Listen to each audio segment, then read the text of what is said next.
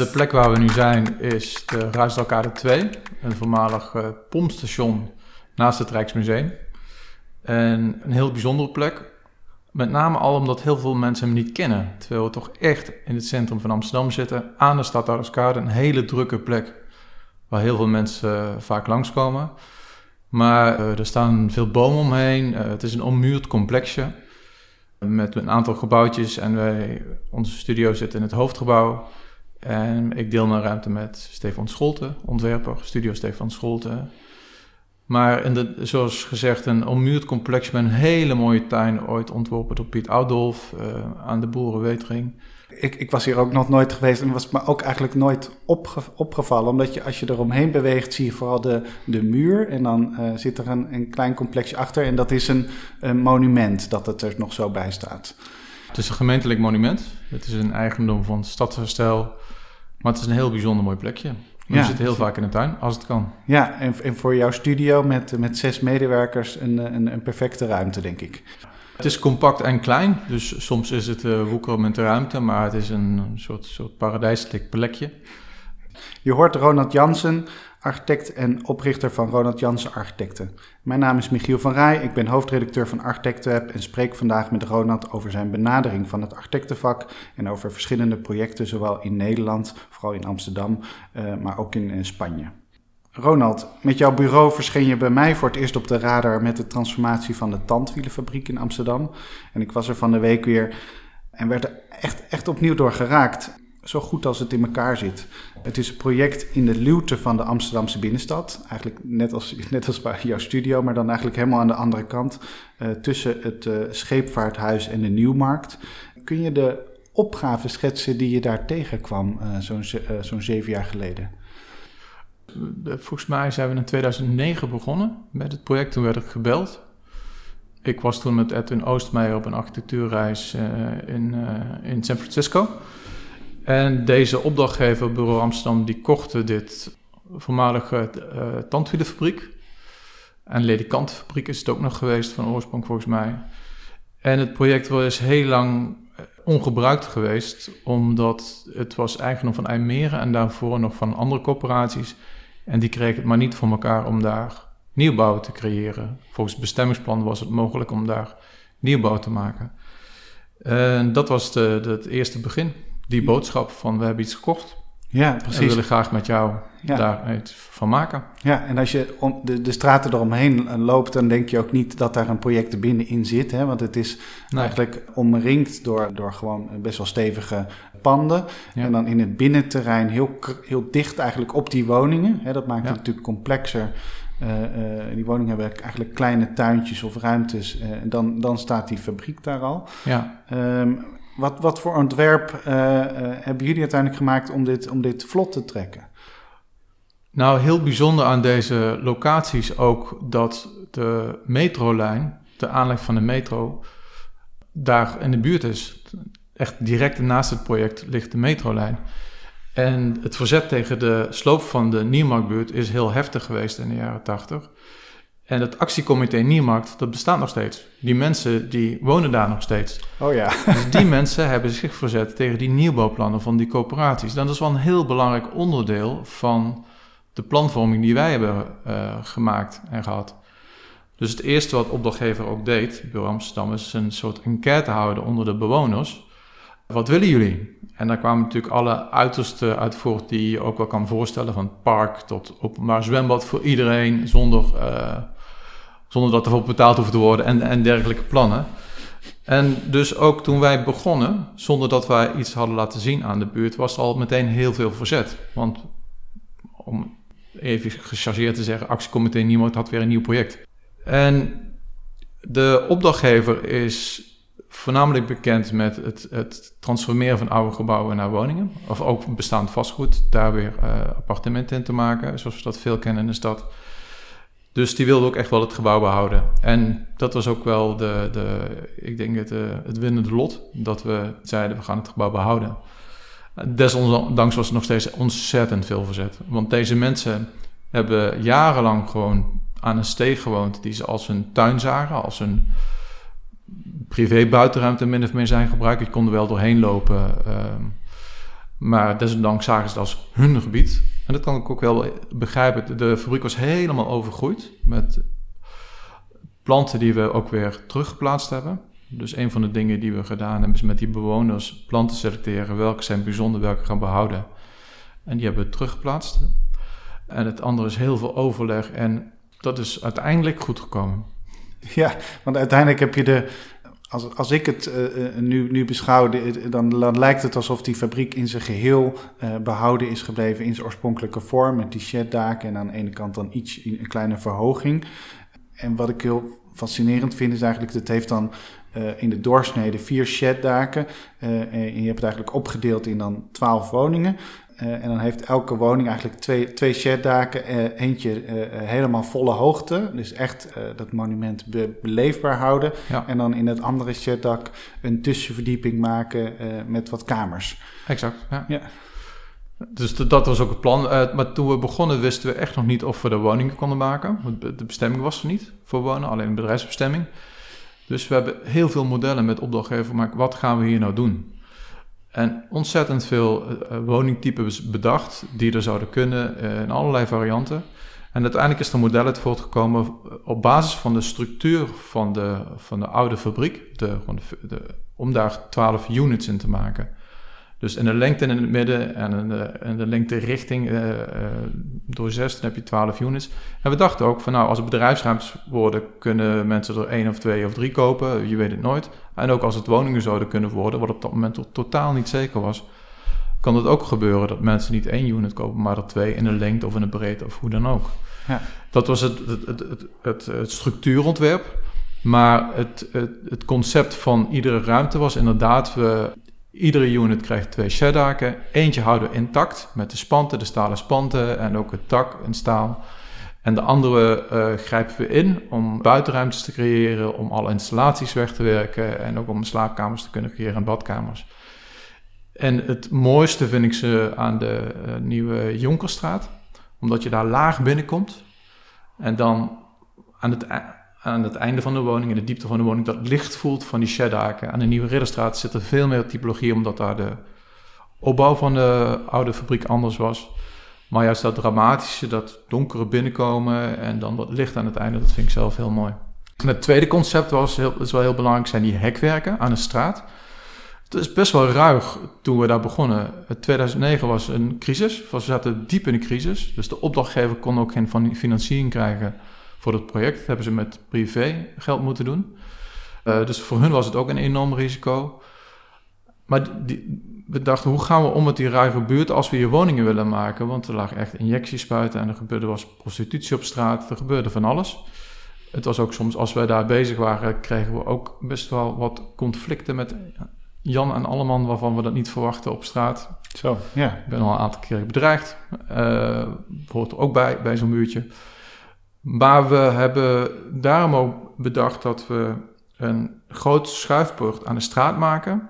En een zone van 2 meter waarachter een glazen puis staat. Dat je een soort tussenzone hebt die veilig voelt. Waar je ook, maar ook waar je je fiets neer kan zetten, waar, waar je wat rommel kan stallen. Maar ook als je daar woont met kinderen, dat je dat groot hek aan de straatrand wat geperforeerd is. Ja. Dat je dat dicht kunt laten, maar toch je deuren open kan zetten. Dat je toch dat, dat die buitenlucht binnenkrijgt. En dat idee van een hekwerker, die schuifpui, komt voort uit de fabriek zelf. In de fabriek zaten zeven grote schuifdeuren. En, nee, vijf waren er. En um, dat concept hebben we gebruikt om zeven grote schuifpuien toe te voegen. Dus eigenlijk wat al in de basis zat van de fabriek, hebben we gewoon min of meer hergebruikt als een idee. En toen we op, in het archief gingen sporen, vonden we hele mooie foto's van het interieur van die tandwielenfabriek. Echt mensen werken aan hele grote tandwielen. En die foto's hebben we gebruikt voor de print in de schuifdeuren. Er zit een perforatie in en iedere schuifdeur is uniek. Dus we hebben voor iedere deur een foto gebruikt, waar op basis daarvan is die perforatie ontstaan. Dat is nu heel abstract, daar zie je niks meer van terug, maar wel als idee, iedere schuifdeur is uniek. Ja, dat was, was mij inderdaad niet zo opgevallen. Nee, wat, wat, wat, wat, wat, me meer opvalt is dat het inderdaad Uh, in concept klinkt dat misschien inderdaad wel, uh, uh, wel hard, zo'n zo'n zo'n hekwerk aan de straat. Maar in de praktijk werkt het eigenlijk heel goed. Het, het, het, doet mij wel een beetje Japans aan ook. Mm -hmm. Zo'n eigenlijk een filter. Ja. Um, en wat ik fascinerend vind is als je daar omheen loopt, inderdaad, dat, het, dat die gelaagdheid heel, heel interessant is. En dat je het ook eigenlijk heel vriendelijk is, omdat je het licht daarachter weer ziet van die lichtbron die je dan in de, in de tweede beuk eigenlijk gemaakt hebt. Hè? Ja. Dus, uh, en wat je ziet is dat mensen soms het openzetten en anderen la, laten het dicht. Ja. Uh, dat dat echt als een tussenruimte uh, ingezet wordt. Ja. ja. Ja. ja, heel mooi. Um, en dan is het natuurlijk wel een interessante vraag om nog even te benoemen van... dat zijn natuurlijk geen goedkope woningen die, die daar uiteindelijk gerealiseerd zijn. Uiteindelijk niet. Want het project is heel snel gegaan binnen 2,5 jaar van eerste belletje tot uh, oplevering. Uh, absurd tempo. Maar omdat het onzeker was heel lang of we daar wel woningen mochten maken, of we dat bestemmingsplan voor elkaar kregen, was het ook heel lang het plan dat het misschien wel bedrijfsunit zouden worden. En de tijd viel goed voor deze opdrachtgever. Dus op het moment dat wij het lukte en om die woonbestemming te krijgen. Dat was niet makkelijk, maar het lukte wel. Er zat wel een bijzonder proces aan, ging eraan vooraf hoe we dat voor elkaar hebben gekregen. Maar toen uiteindelijk de verkoop begon, was de markt in één keer weer heel goed. Dus in die zin uh, liep ze wel lachend weg van het project. Ja. maar misschien wel even toe te, interessant om toe te lichten hoe we dat proces hebben gedaan. Want de, ik herinner me nog heel goed, want voor kerst hadden we twee vergunningen klaar liggen. Eén om in te dienen op enkel de bestemming bedrijven. En één om ook in te dienen op de bestemming wonen. Maar omdat er nog zoveel onrust was met de buurt over die bestemming wonen. En ook er was net een nieuw college. Dus het was niet het juiste moment om in te dienen op die bestemming wonen. Toen hebben we ingediend op de bestemming bedrijven. En wat was er interessant aan? 90% van wat wij wilden, fysiek wilden bouwen, paste binnen die bestemming bedrijven. Namelijk te maken van die 12 casco's, de daken aanpassen, die patio's maken. Dat kon allemaal binnen die bestemming bedrijven. Dus daarvoor hadden, dat was een vrij lichte vergunning. We hoefden geen bestemmingsplanwijziging ja. te doen. En dat hele proces van die woonbestemming hebben we gedurende de bouw gedaan. Dat was een enorm risico voor de ontwikkelaar, want het had erop uit kunnen lopen dat hij enkel die bestemming bedrijven zou hebben. En misschien had hij dan wel kiet gespeeld of niet kiet gespeeld, dat weet ik ja. niet. Kan nu niemand zeggen. Ja. Is goed voor zo uitgevallen. Ja, wat een lef. Inderdaad, de structuur maken onder bedrijfsbestemming en dan en eh, vervolgens dat omzetten naar, naar woonbestemming. Ja, ja, geweldig. Ja, maar dan uiteindelijk inderdaad, dat kan dus heel goed uitpakken en dan heel, een heel snel proces opleveren. Ja, fascinerend. Jij hebt bouwkunde gestudeerd aan de Technische Universiteit Eindhoven. En je hebt daarna eerst twee jaar bij JHK in Utrecht gewerkt. En vervolgens ja. twee jaar bij Klaus Kaan Architecten in Amsterdam. Ja. Wat, wat was de reden om, om daarna voor jezelf te beginnen? Een aantal redenen. Ik had enorm naar mijn zin met Klaus Kaan. Ik ging naar Klaus Kaan omdat ik, de, geen ander bureau ter wereld waar ik wilde werken dan bij Klaus Kaan. Hun werk sprak me enorm aan op dat moment, nu nog steeds. Dus ik had er heel erg naar mijn zin. Het, was, het bureau groeide heel hard. En, maar ik deed naast, ik snap nu niet meer hoe, hoe dat mogelijk is geweest, maar ik deed naast dat werken bij Klaus en Kaan, wat heel pittig was. Uh, waren geen dagen van 9 tot 6. Deed ik ook best veel prijsvragen. En dat viel soms goed uit. En ik, had zo'n in, ik zat op zo'n kantelpunt. Wil ik hier echt bij Klaus en Kaan blijven? Wat de ene kant van mij zei, of wil ik voor mezelf beginnen?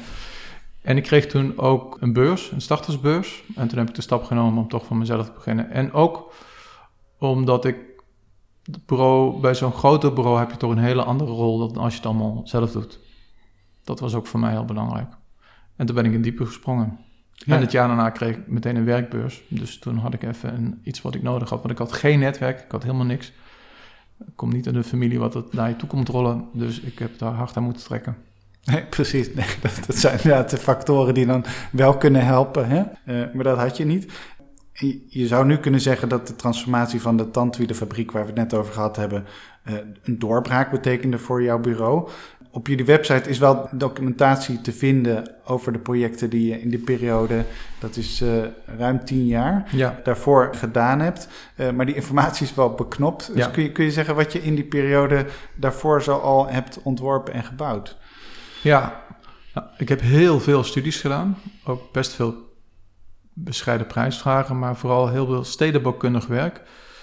En daarvan staat niks op mijn website, want dat vind ik zo'n andere tak van sport. En daar kon ik heel veel mee leven, van leven. Maar ik, ik vond het ook super interessant om na uh, die fase bij Klaus en Kaan in die stedenbouw te duiken. Uh, heel veel visies gemaakt voor allerlei steden in Nederland en gebieden in Nederland, ook voor gebouwen. Dat vond ik super interessant. En ook heel veel van geleerd. En ik merk nu, nu we aan grotere projecten werken, dat ik daar heel veel baat bij heb. En het denken over straten en steden. En hoe maak je nou een stuk stad in plaats van een gebouw. Dat is echt heel iets anders. En dat heeft vrij lang geduurd. En tijdens die fase kwamen ook allerlei uh, studieopdrachten voor gebouwen. En kwamen er ook kleinere projecten. Verbouwingen, een huisje en uh, wat grotere verbouwingen, wat transformatieprojecten. Dat borrelde langzaam zo een beetje omhoog. Had je, had je verwacht dat het zo, zo lang zou duren voordat je dan uh, uh, echt het grotere werk zou doen? Nee, nee, totaal niet. Toen ik, toen ik uh, wegging bij Klaus en Kaan, zei Felix Klaus tegen mij van... Je moet het wel tot je vijftigste volhouden, jongen. En ik zei, nou nee, Felix, van vijf jaar ben ik helemaal los. Toen zei hij, nou, um, nee hoor, op je vijftigste begint het pas. Ik, ja, hoezo dan? Ja, dan heb je alles een keer meegemaakt en dan heb je twee, drie crisissen doorstaan. Dus dan, dan weet iedereen dat je het aan kan en dan begint het pas. Um, en hij, hij, heeft gelijk gehad. ja. Hij heeft gelijk gehad. Ja, dus dat, dat is wel interessant voor alle jonge architecten om dit te horen hoor. Van um, je, de, je geduld wordt op de proef gesteld en uh, zorg dat je alles meemaakt en dan uiteindelijk uh, komt, het, uh, komt het hopelijk los. Ja, nou, ge gelukkig zijn nu de kansen wat beter. Dat, dat er in heel veel projecten nu jonge architecten naar voren geschoven worden door gemeenten of supervisoren. Dat is heel positief. dat je niet die, die leergang hebt hoeven maken die ik heb gemaakt. Voor velen, voor velen zal het nog steeds hetzelfde zijn, verwacht ik. Nee, want je moet het wel. je moet het ook al, in een, ook al is het in een langzamer tempo, je moet het wel allemaal doormaken, anders, anders kom je er nooit. Hè? Nee. Ja, ik vergelijk het een beetje met als je sushi-chef wil worden, moet je ook eerst drie jaar grijs koken. Moet echt uh, eat the bullet. Ja, moet er doorheen. Net als in heel veel andere steden zie je in Amsterdam een enorme variatie in de diepte van bouwblokken is de diepte wat groter, dan is er binnen zo'n bouwblok ruimte voor geweldige tuinen. Mm -hmm. heb ik ook al aangewoond uh, in, in, appartementen. Maar is die diepte echt klein, dan wordt het ingewikkeld. En die ja. blokken, die zijn er ook. En dat was de situatie bij het woningbouwproject aan de Fokke-Simonstraat. Ja. Uh, hier iets verderop in de stad. Kun je aangeven wat voor opgave dat was en, en, en wat, wat je strategie was? Ja, ja. Dat is ook een bestemmingsplanwijziging overigens. Dus dat zijn altijd al complexere opgaves, omdat je heel veel met de stedenbouwkundigen van het betreffende stadsdeel moet overleggen om tot uitgangspunten te komen. En daar was de opgave om een uh, wooncomplex te maken, een woongebouw te maken. En op dat moment stond er een dakloze opvang. En dat gebouw mocht gesloopt worden. Was ook niet een heel best gebouw. We hebben wel nog gekeken of we het konden behouden, maar er zat van allerlei problemen in met de fundering. Een heel ondiep kavel. Maar die stedenbouwkundige structuur is daar heel bijzonder. Want de eerste gracht erachter is, is, de, is de Prinsgracht. Dus de grachtengordel begint een paar straten achter dat gebouw. En in deze, dit buurtje, het Weteringbuurtje, is een soort samenraapsel van hele kleine pandjes, wevershuisjes. Maar ook grote blokken, scholen, oude fabrieken. Want het is ook de, de, de lawyers zaten daar, de leerlawyers. Dus het, het, had een hele bijzondere structuur. Het was heel smal, maar het werd een soort afwisseling van een hele kleine schaal en een wat grotere korrel. En op deze plek stond een grote korrel, namelijk de dakloze opvang. En daarvoor stond er een hele grote school. Die is helaas geschopt, was een heel mooi gebouw. Dus we vonden het ook wel belangrijk dat wij die korrelgrootte die past bij die buurt handhaafden. Dus dat wij ook een gebouw van de schaal maakten van het hele blok. Ja. En dat is heftig uh, om dat te doen, omdat ja, die kleine schaal staat er direct naast. Maar we vonden het wel op zijn plek dat daar een groot gebouw kwam te staan van één maat. En, maar wel doordenkend van ja, er moet wel een soort tweede schaal aan zijn, omdat die straat zo klein is. Dus we hebben gezocht naar een ritme van structuur, maar ook naar details, uh, zodat die kleine schaal ook aangeraakt wordt. Ja, en hoe heb je dat uh, met het daglicht opgelost? Want mm -hmm. je hebt aan de achterkant uh, niet, niet veel ruimte. Nee. Nou, het, het, voordeel van deze locatie was dat de zon op de voorgevel staat. Dus we dachten, daar ligt de meeste kwaliteit van wonen. Dus alle verblijfsruimte, dus woonkamers, slaapkamers, liggen allemaal aan de straatkant. Met grote schuifbuien. Dus feitelijk is die hele gevel één groot Frans balkon. Je kunt het allemaal openzetten. Aan de achterkant ligt een hele compacte galerij. We hebben de hoofdentree in het midden gemaakt, dat het ook een statig gebouw wordt. En daarachter is een hele kleine patio aan twee zijden met een, met een groene muur. En daar kom je thuis, daar kom je binnen. En die, die overloop, die galerij is heel breed. Met grote plekken uh, waar, bij je voordeur. Zodat het toch ook aan de achterkant, die kleinere schaal, dat intieme ook gewaarborgd was. Ja, en je nog even een praatje kan maken met je buren. Hè? Ja, als ze daar tijd voor hebben. Precies. Um, wat, wat ik heel opvallend uh, vind zijn eigenlijk de, de, de, de, hele diepe negges die je uh, hebt, hebt ontworpen in die gevel. En dan het glas wat dan schuin geplaatst is. Ja. Kun, je daar iets over vertellen van hoe dat ontstaan is? Ja, zeker. Um, wat architecten altijd doen is dat je natuurlijk gevelaanzichten tekent. Maar nooit, ik, alleen architecten denk staan ik recht voor een gebouw. En zeker omdat het een, een smal straatje is, de Fox Simonstraat, is het perspectief is heel belangrijk en ook hoe je het gebouw waarneemt. Dus in het perspectief wilden wij heel veel diepte aanbrengen en heel veel dynamiek aanbrengen. Dat hebben we gedaan door op de begane grond de woningen heel diep terug te leggen. Zodat ook die uh, belletage woningen uh, wat meer afstand kregen tot de straat. Dat het beter was voor die woonkwaliteit. En naar boven toe komen de appartementen steeds meer naar voren. Dus de penanten zijn op de begane grond heel diep en heel smal. En naar boven toe worden ze heel ondiep en heel breed. En op die manier krijg je al heel veel dynamiek. En die pijen, ook om diezelfde reden, hebben we die schuin gezet. Zodat je nog meer uh, dynamiek in die gevel krijgt. Maar ook door die pijen uh, schuin te zetten, kun je dichter bij de gevel komen vanuit de woning. Dus als je je raam openzet, kun je nog even naar buiten hangen en dan krijg je meer zon. Vanuit de, vanuit de huidige tijd vind ik het dan nog wel opvallend dat, je, dat het gelukt is om eigenlijk die woningen dan terug te leggen. En mhm. eh, je zou bijna zeggen van tegenwoordig zie je natuurlijk heel veel dat het allemaal, allemaal eruit bezuinigd moet worden. Ehm, hoe, hoe, is dat hier gelukt om, om die kwaliteit uh, erin te brengen? Dat is gelukt omdat deze opdrachtgever, uh, ja, ik wou niet zeggen carte blanche, maar de Volvo ging.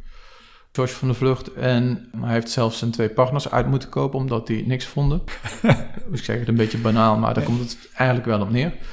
En ook we hadden, moesten een bestemmingsplanprocedure doorlopen. Dus dan heeft stedenbouw en welstand ook nog... Oh, nou, welstand heeft sowieso natuurlijk een belangrijke uh, vinger in de pap. Maar stedenbouw heeft ook een belangrijke vinger in de pap. Dus je neemt heel veel kleine stapjes. En je moet wel zorgen voor een, optim, voor een hele goede kwaliteit om dit voor elkaar te krijgen. Om in de op de eerste plaats al om iets te slopen in de binnenstad. Ja. En op de tweede plaats om zo'n bestemmingsplan voor elkaar te krijgen wat, wat, wat, wat we deden week af van de regels. En die gevel is dan heel precies gedetailleerd in beton. Kun je iets vertellen over wat voor beton dat is en hoe, hoe je dat gedetailleerd hebt en hoe je dan uiteindelijk eh, ervoor zorgt in al die fases van zo'n, van zo'n proces om, dat, om dat erin te houden? Want dat lijkt me nog uh, lijkt me niet eenvoudig. Nee, ik heb er ook slapeloze nachten van gehad. Dat ook, het is natuurlijk best een heftig ontwerp met al dat beton aan zo'n straatje. Dus toen de elementen bij de fabriek lagen, toen ze klaar waren, dacht ik, oh jee, hebben we dit al goed gedaan. Maar toen op de bouw de eerste lagen kwamen, dacht ik, oh ja, dit, dit gaat wel goed. Maar het maken ervan is heel veel uitzoekwerk en proberen, proberen en nog een keer opnieuw detailleren en verhoudingen. Dat komt heel nauwkeurig hebben eindeloos veel modellen gemaakt en, en tekeningen gemaakt om naar de juiste balans, tot de juiste balans te komen. Ook omdat alles onder een hoek staat, dat zie je niet, maar het, kavel is eigenlijk onder een hoek. Dus al die kolommen hebben, zijn verdraaid ten opzichte van de structuur erachter. Dat was heel ingewikkeld. Ja. Dus, en ontzettend veel overleg met de aannemer. Om, en uh, continu controleren van al die productietekeningen en ook met de maker. Eh, de betonfabriek die dat maakt, veel overleg om tot de juiste kleur te komen. We hebben alle, er zit een soort kleurtoeslag in, een beetje bruiner. Maar alle steentjes hebben we toegevoegd. Een beetje nog een steentje witter meer bij en een steentje zwarter meer bij. En de opdrachtgever is daar ook heel actief in geweest aan die beoordeling. Ja, een heel intensief proces. Ja, precies. Ik weet, niet, ik weet niet hoeveel monsters er gemaakt zijn, maar er zijn heel veel monsters gemaakt om tot de juiste afstelling te komen. Nou ja, je ziet, nu, nu, als je er nu langskomt, dan zie je natuurlijk dat proces niet, maar je ziet wel dat dat uh, um, heel goed past in die, op die plek en mm -hmm. gewoon heel ja, zorgvuldig gemaakt is. Want het heeft bijna een soort uh, een natuursteen kwaliteit, zou ik bijna zeggen. Dat is, uh, dat, vind dat heel geslaagd. Dat is ja. heel interessant wat je zei, want in de behandeling met welstand was, en daar was ik wel blij om, zij vonden het heel belangrijk dat het dat beton werd en dat het geen natuursteen zou worden. Want een natuursteen zou in dat buurtje, wat een, echt een werkbuurt was, een maakbuurt, zou niet passend zijn. Dat zou te chic zijn. Ik weet nog wel heel goed toen het net de eerste lagen van beton er stonden. En ik stond met die onzekerheid van die slapeloze nacht van... oh, al dat beton aan die straat, gaat het wel goed? Stond ik zo omhoog te kijken aan wat ik net zei van... ah, maar volgens mij wordt het wel goed stond een vrouwtje naast mij met een, met een hondje. Zo'n hondje met zo'n zo'n dekentje om, om dat lijf van het hondje. en ik stond zo omhoog te kijken. Ze kwam naast me staan en zei... Ik vind het verschrikkelijk! ik ook. Ah, dat vond ik ook al heel... Uh, ja, een soort openbaring van... Oké, ja, er zijn, zijn heel veel meningen als je het maakt. Het is wel... wat, wat wij doen als architecten, je maakt iets, maar het is wel weer, weer onderdeel van de stad en iedereen vindt er iets van en mag er iets van vinden. Wat mij wel opvalt is, het is natuurlijk heel glazig aan, aan, aan, een, aan een straat. Dat ja. mensen uh, logischerwijs ook graag hun vitrage dicht, uh, dicht doen. Om, de, om, om iets meer uh, knusheid misschien te genereren. Had je daar rekening mee gehouden? Had je dat verwacht? nee, maar het, dat klinkt misschien gek, maar het maakt me niet zoveel uit. Want een gebouw, nu is het verhuurd en zitten er volgens mij best veel experts in. En dus alles is gemeubileerd en, en gordijnen zijn gemaakt. Dus de, en maar toen ik met het project bezig was, dacht ik van wauw, het is best een streng gebouw. Dus als daar mensen wonen, dan krijg je allemaal verschillende gordijnen en het wordt één grote bende en het kan het gebouw makkelijk hebben. En nu is het een fase van het gebouw dat het verhuurders en helemaal gemeubileerd is, maar dit gebouw blijft hopelijk heel lang staan en het zal meerdere fases krijgen. Dus ik denk ook dat het heel belangrijk is in algemene zin om gebouwen te maken die niet heel specifiek voor één gebruik en één type bewoners nu gemaakt worden, dat kun je helemaal niet voorspellen. Daar nee. denken wij uh, aan stedenbouwers en gemeentes vaak over na. Wat is de doelgroep? Maar gebouwen gaan veel langer mee dan doelgroepen. Dus ik vind het belangrijker dat een gebouw in die zin generiek is. Uh, en veel meer kan huisvesten dan we nu kunnen bedenken. Want niemand kan voorspellen. Niemand heeft corona kunnen voorspellen dat we in één keer veel meer kamers in woningen nodig hebben. Ja. Dat we thuis gaan werken. En daar moeten wij als architect over nadenken. Dat gebouwen hopelijk veel langer meegaan dan wij meegaan. En wat, en wat vind je het belangrijk? Dat je, dat je een hele robuuste structuur uh, neerzet. En tegelijkertijd aan in de gevel moet het ook een. Ja, moet het zoveel kwaliteit hebben dat je het ook wil behouden. Dus het, is, het zitten dan verschillende ja. kanten aan. Hè? Ja, er zitten twee hele belangrijke kanten aan. Eén is dat je een gebouw maakt die, dat meer moet zijn dan de functie waarvoor het nu ontworpen is.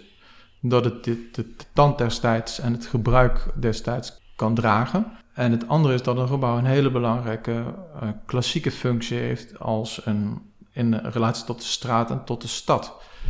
Uh, en dat zijn de, de, eigenlijk de algemene criteria van een welstand. Hè, dat het goed in zijn context past, dat het goed van verhoudingen is, dat het goed is van alle schalen, dus ook van indelingen van, van hoe de, uh, de openingen zich verhouden tot de gesloten delen en van materialisatie en detaillering. Eigenlijk wat ieder gebouw in zich moet dragen. Maar ik probeer wel meestal bouwgebouwen te maken die meer zijn en misschien wat, wat even afstand nemen van het huidige gebruik. Dat het niet een hele directe expressie is van het gebruik. Omdat we niet weten hoe het over tien jaar gebruikt zal worden. Misschien over tien jaar is het nog steeds een woongebouw, waarschijnlijk wel. Maar je weet niet wie er woont en hoe het wonen dan is. Ja, en, en denk je dan ook in termen van dat je een soort tijdloze architectuur uh, wil maken? Ja, ja, en dat is ook wel een belangrijk thema in hoe wij denken over duurzaamheid. Ik denk dat het heel duurzaam is als een gebouw niet 30 jaar blijft staan. Dat zijn vaak financiële berekeningen dat een gebouw minimaal moet kunnen blijven staan. Maar het is toch bizar dat we denken dat gebouwen maar 30 jaar blijven staan. Ook dat er nu al gebouwen afgebroken worden die nog maar 30 jaar staan of 20 jaar staan. Dat vind ik echt. Ja, dat kan gewoon niet. Gebouwen moet je echt laten staan tot, ze uit zichzelf bijna in elkaar dreigen te donderen. En dan nog moet je eens kijken, kunnen we ze niet nog even oplappen? Dat, dat denk ik dan duurzaam is als we kijken naar de... Een groot voorbeeld voor mij is het 19e eeuwse pand in de stad. Zoals we er heel veel hebben. Of ook de grachtenpanden. Die zijn eindeloos verbouwd. Die zijn eindeloos aanpasbaar door hun casco. Die drie raampjes op een rij, die doen het heel goed. En uh, vloeren waar je een, een, zaag in kan zetten. En je kunt ze op alle manieren gebruiken. Het kunnen vijf appartementen zijn. Het kan een beneden-bovenhuis zijn. Het kan een kantoor zijn. Het kan één woning zijn. Kan van alles. Briljant ontwerp. Briljant concept. Heel vaak niet gebouwde architecten. Heel vaak niet ontworpen door architecten.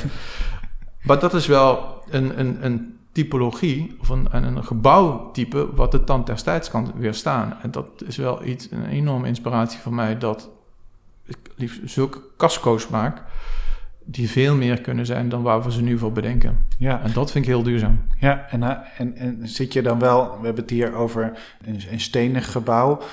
Hoe kijk je dan aan tegen het gebruik van hout in gebouwen?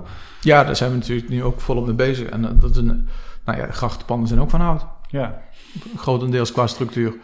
Dus in die zin is het niet heel veel. Ja, het is natuurlijk een hele andere manier waar we nu mee bezig zijn. Wat ik een hele goede ontwikkeling vind. Want we moeten wel echt af van zoveel beton in de structuur.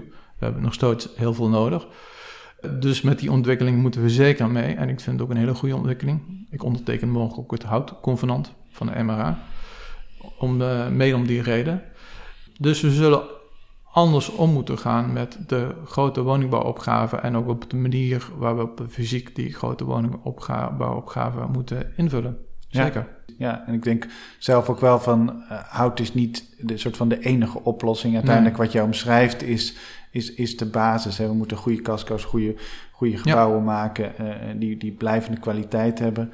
En, daar kan, en dat kan wellicht ook grotendeels in, in, in, in stenige materialen. Maar we moeten wel dat, dat hout uh, gaan onderzoeken van hoe ver komen we en wat is zinvol daarin. Hè? Ja. Om, uh, om dat toch echt een groot, steeds grotere plek te geven. Ja. Zeker. Ja. Wil ik het kort nog hebben over een, een, een, een ander project in de stad en aan de, aan de Foeliestraat. En die lijkt qua typologie wel een beetje op het gebouw wat we net besproken aan de Fokker Simonstraat. Uh, ook een entree in, in, in het midden, uh, appartementen, uh, krap, krapte aan de achterkant is, was het een beetje vergelijkbaar? Of uh, qua typologie, vind jij? Nou, voor mij is geen enkel project vergelijkbaar. We duiken er zo diep in dat, ik, dat we zo geconcentreerd aan het werken zijn dat ik niet voor een ander project denk van ja, oh ja, dit is een beetje hetzelfde. Dat gaan we op die manier doen. Ik heb die relatie nooit gelegd met Fox Simonstraat. We beginnen heel uh, enthousiast, maar ook super geconcentreerd aan zo'n opgave. En daar is dit uitgekomen. Uit, vanuit alle afwegingen die we gemaakt hebben, daar is dit gebouw precies door ja, ontstaan. Ja, want, want ik denk dan van, oh ja, het is ook best wel glazen gevel, diepe ja. negges. Uh, dus dus ik, ik zie daar wel een, een verband in. Wat, wat misschien wel aardig is om op in te zoomen, is, is de penanten daar. Die zijn van, van baksteen. Ja. Uh, en die heb je precies aan de, aan de voorzijde, zijn die drie koppen breed. Waarbij de middelste kop dan iets naar achteren ligt hoe ontstond dit en, en was dat lastig om, om de metselaars daarin mee te krijgen? Omdat zo precies, uh, het lijkt bijna prefab, maar ik weet of, of, of is, dat het, is dat het ook daadwerkelijk geworden? Uiteindelijk is het prefab geworden. Ah, ja. uh, tijdens het ontwerpproces was het dat nog niet.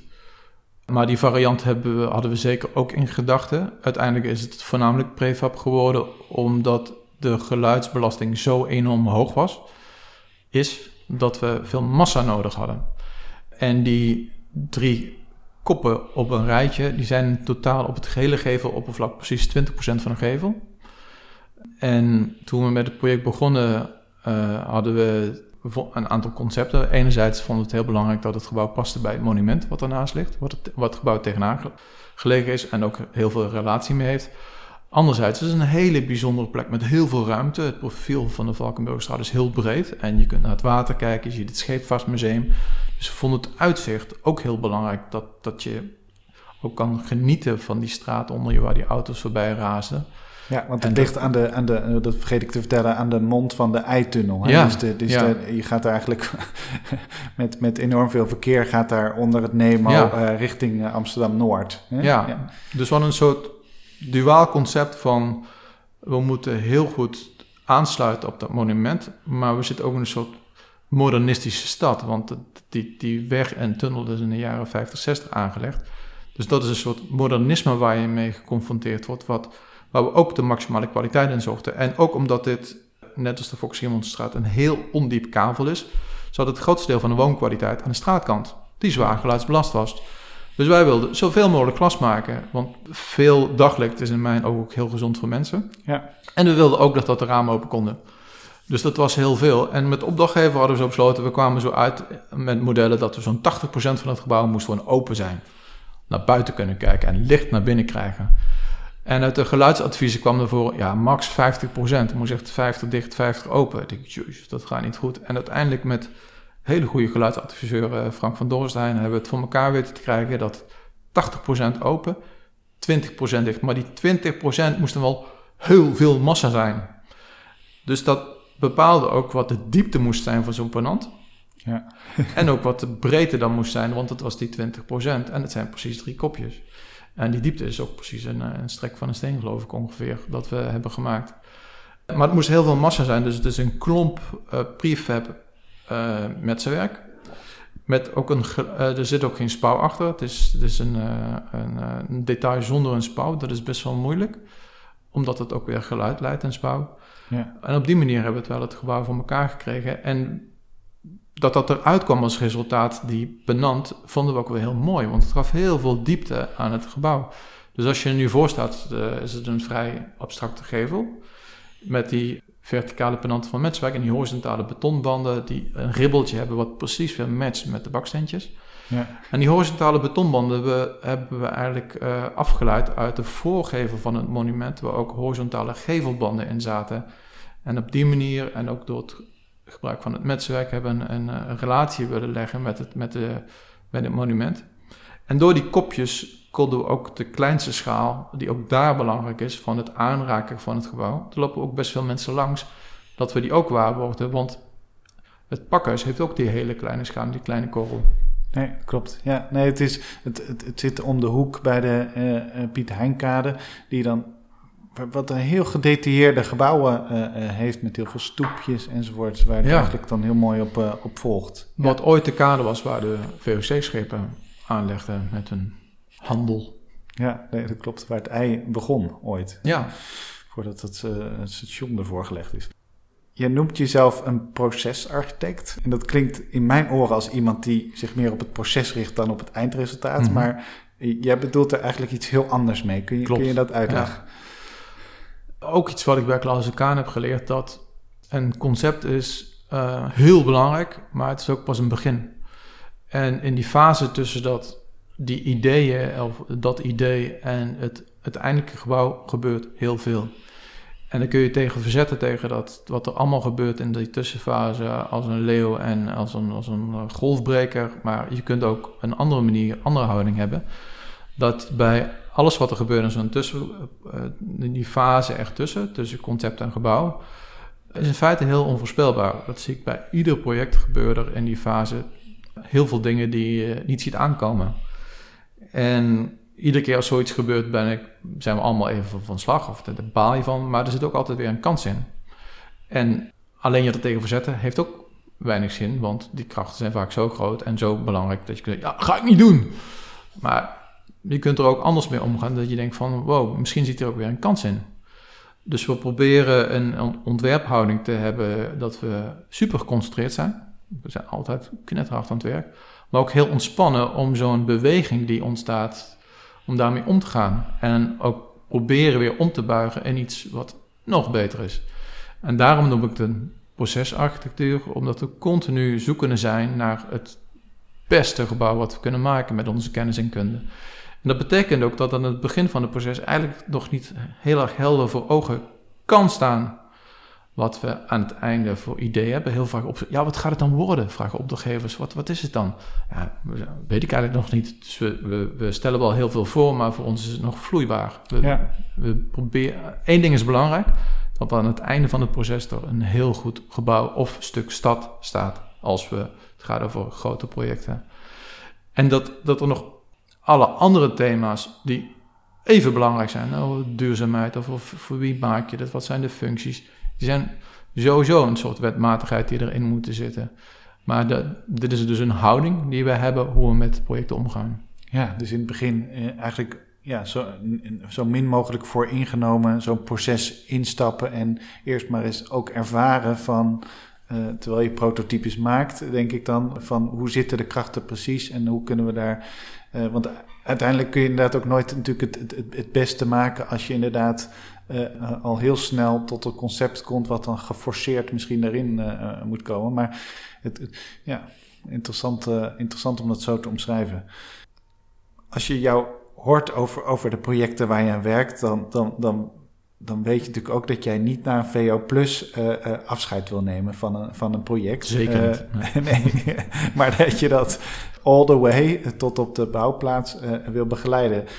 Dat, dat lijkt me niet altijd makkelijk, maar nee. hoe, dus hoe, hoe, hoe krijg je dat voor elkaar? Sowieso hebben we tot nu toe altijd minimaal opdracht tot en met vergunning en esthetische directievoering tonnen met vergunningen is super belangrijk, omdat wij in onze, als wij geen uitwerking doen, hebben wij altijd meer details getekend dan wie het ook uitwerkt. Dus dan zit er, uh, zit die, zit er heel veel details al geborgd in de vergunning. Maar die, die esthetische directievoering die, die is knetterbelangrijk. Want je moet echt naast de mensen op de stijger staan die het maken. Alleen dan is het mogelijk om een goed gebouw te maken. Als je, en dat is vaak een hele pittige discussie met opdrachtgevers. Want die denken van ja, waarom uh, alles ligt er vast. We hebben werktekeningen. Daar mag je naar kijken. Die mag je iets van vinden. En je hebt toch een vergunning. Waarom uh, hebben we jou nog nodig? Maar juist die laatste fase die is cruciaal om tot een goed gebouw te komen. Omdat er gaat nog zoveel mis op de bouw. Hè, ik, kom op de bouw en ik zie een, timmerman gewoon met een, iPhone, met een telefoon, een smartphone staan. Die staat gewoon naar, productietekeningen te kijken. En die zit gewoon te draaien met zijn telefoon of het nou uh, eh, 45 graden of, of, of, recht moet zetten. Het is echt, op zo'n klein telefoontje zit hij een BIM-tekening te kijken. Ik denk, wow, hoe kun je op deze manier nu een maken wat allemaal bedacht is? Ons vak is heel bizar. Het is nog zo traditioneel. Dus in iedere fase van een proces lijkt wel of er je soms opnieuw begint. Hè? Ja. Uh, dan hebben wij een vergunning. denk je, oké, het ligt vast. Dan komen de uh, werktekeningen en denk je, wow, dit is niet wat we hebben afgesproken met elkaar in de vergunning.